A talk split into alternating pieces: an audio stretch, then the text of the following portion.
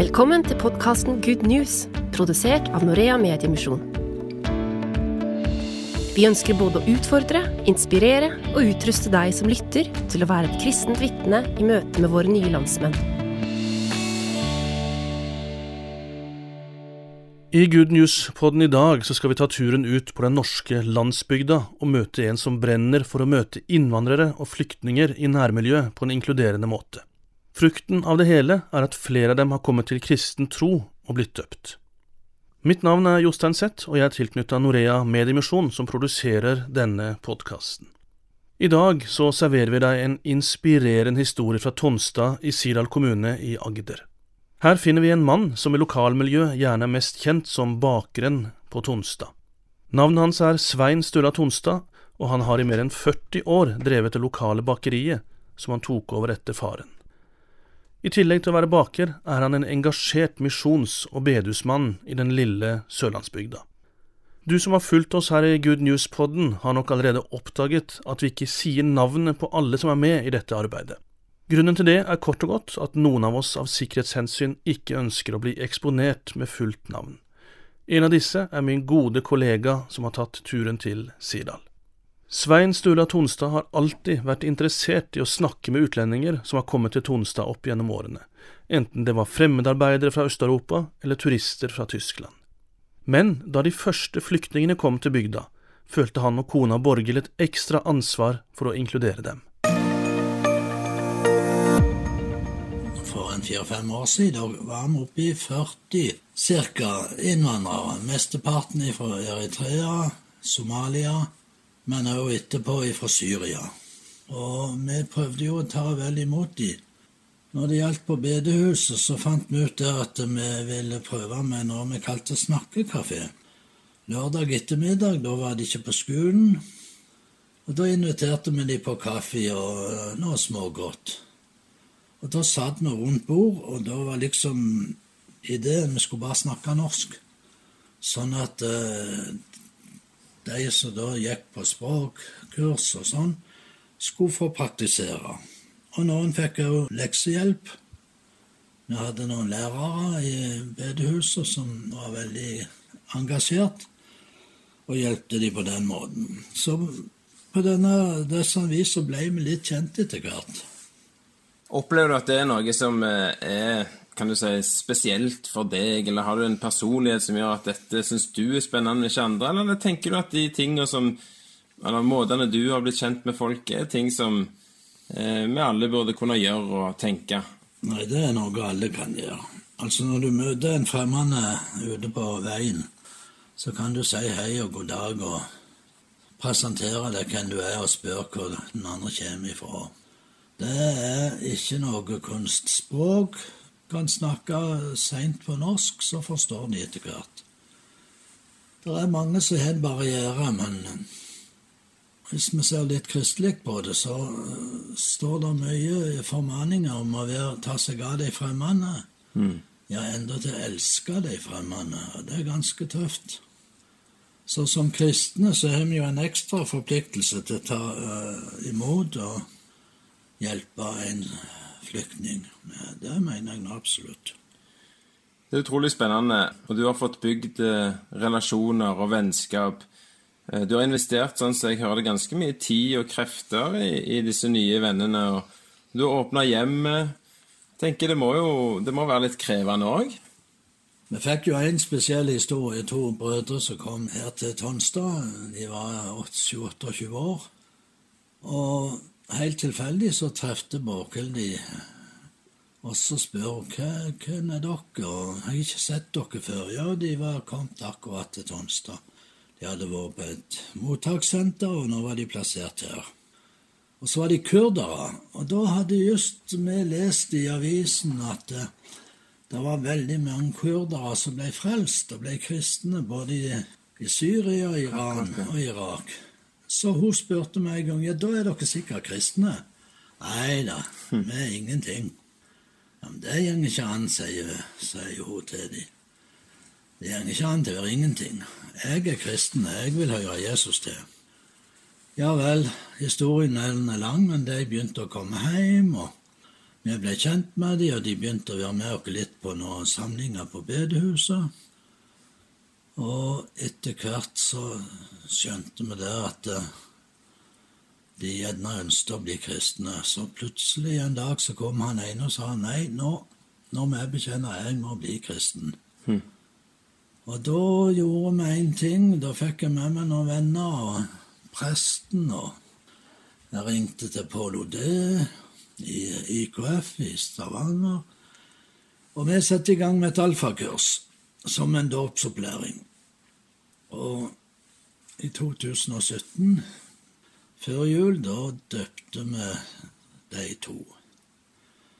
Og Det som var moro, det var jo det at når de var døpt Det første de sa, for det var et ektepar til fra samme landet som de, så sier de nå må de òg bli kristne. Hmm. Og de begynte da å vitne for dem og få de med seg. og To år etterpå, altså nå før jul, så ble det ekteparet òg døpt. Så det var store ting. Det hører jeg jo, og det er jo en utrolig flott historie og et fantastisk vitnesbyrd.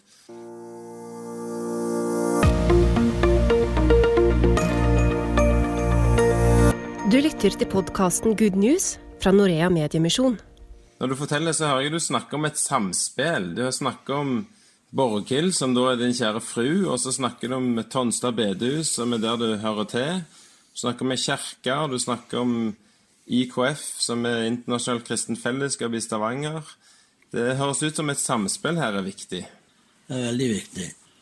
Eh, For det at eh, disse forstår så dårlig norsk, men arabisk, det er jo gullgjevt. Så når Pål og de vennene kommer fra Stavanger, og vi reiser ned der på møter, så får de tolking til arabisk, og det er jo Da forstår de alt. Når de er på et møte på norsk, så får de med seg noen setninger. Og det vi passer på, det er at vi får iallfall teksten opp på veggen, så de kan lese teksten som blir talt over. Men de er jo med i samfunnet, de synger med, og de opplever den åndelige atmosfæren og trives med det, ser det ut til. Men det er et veldig samspill, det er det.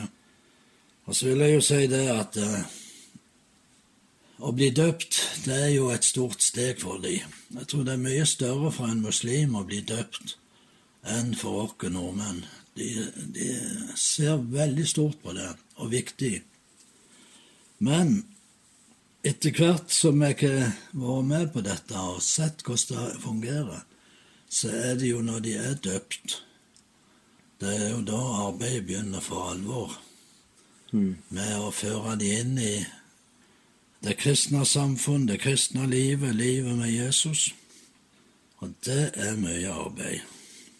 Da har jeg lyst til å utfordre deg med spørsmålet rundt våre bedehus og våre forsamlinger på forskjellige plasser, som ikke nødvendigvis er vant med å ha innvandrere iblant oss. Hva ser du som eh, muligheter og utfordringer? Hva, hva skal vi gjøre for å få de med? Det fins innvandrere som kommer til Norge som er kristne fra før. Det fins de som du har fått oppleve som tar imot troen. Hva ser du på som nøkkelen videre for å få de med i våre fellesskap? Det kan nok være litt individuelt, men jeg tror eh, små husfellesskap, det vi før kalte bibelgruppe, samtalegruppe, det tror jeg er en veldig fin måte. For da får de litt sjanse til å si noe og spørre. Eh, I en eh, møtesammenheng så blir det ofte å sitte og lytte og fyre med sånt, men, men så er det jo viktig hvis det er muligheter å få tak i en tolk som kan sitte og tolke til deres morsmål. Det er jo veldig viktig, men det er det jo ikke mange som har. Men det med å bli kjent med dem og følge dem opp og gå på besøk og lese Bibelen og be sammen, det er jo alfa og omega. Ja, for jeg vet at dere har hatt eh, Flannis-innvandrerne inne i stua deres, og da er jo språk og andre ting en utfordring, gjerne, men allikevel så har en brukt tid sammen, en har delt ord og delt eh, tanker som en har, og, og det er mulig, sier du, da, tross av språkvansker og veldig ulike bakgrunner. Ja, en må bare snakke seint, og så må en snakke pent. For det nytter ikke å snakke verken jærsk eller sirdalsk eller østlending. Det, må, må snakke pent bokmål, slik de lærer på skolen. Ja, det er bra. Da, da, da går det an, altså. De fleste er åpne, de søker kontakt. Og det er ikke bare det at vi vil de skal bli kristne, men vi vil de skal trives i bygda og bli kjent og ha et godt liv. Og det er vårt ansvar som bor her. Så har dere fått oppleve store ting skje. Eh, Du nevner dette med at eh, noen syrere har blitt døpt på bedehuset ditt, og eh, fått vært med og se at det skjer store ting i deres liv. Hva vil du si til de som sitter andre plasser, som har fått en venn, som har bygd, begynt å bygge en relasjon, og gjerne holdt på i flere år uten at en helt kommer videre? Hva oppmuntring kan du gi til de? Ja, nei, det er stå på, ikke bli trøtt. Vær tålmodig. Den hellige ånd arbeider. Den hellige ånd viser vei. Så det er bare å fortsette. Vær frimodig, si noe godt om Jesus. Og så har jeg en drøm langt framme. De som blir kristne her, kanskje de er kommet her for å bli kristne, bli frelst og reise hjem og forkynne evangeliet der de kommer ifra. Det ville vært stort. Det er jo en utrolig fin drøm. Den må vi ta med oss. I Good News-podden i dag så møtte du Svein Stula Tonstad. Tips oss om lignende historier som den du har hørt i dag. Vi kommer gjerne til ditt hjemsted for å lage intervjuer med ildsjeler som deler av sitt engasjement for å nå flyktninger og innvandrere med Guds kjærlighet. Du får straks e-postadressen vår. Good News-podden blir produsert av Norea Mediemisjon, og mitt navn det er Jostein Zett. Takk for følget i dag, så høres vi neste gang.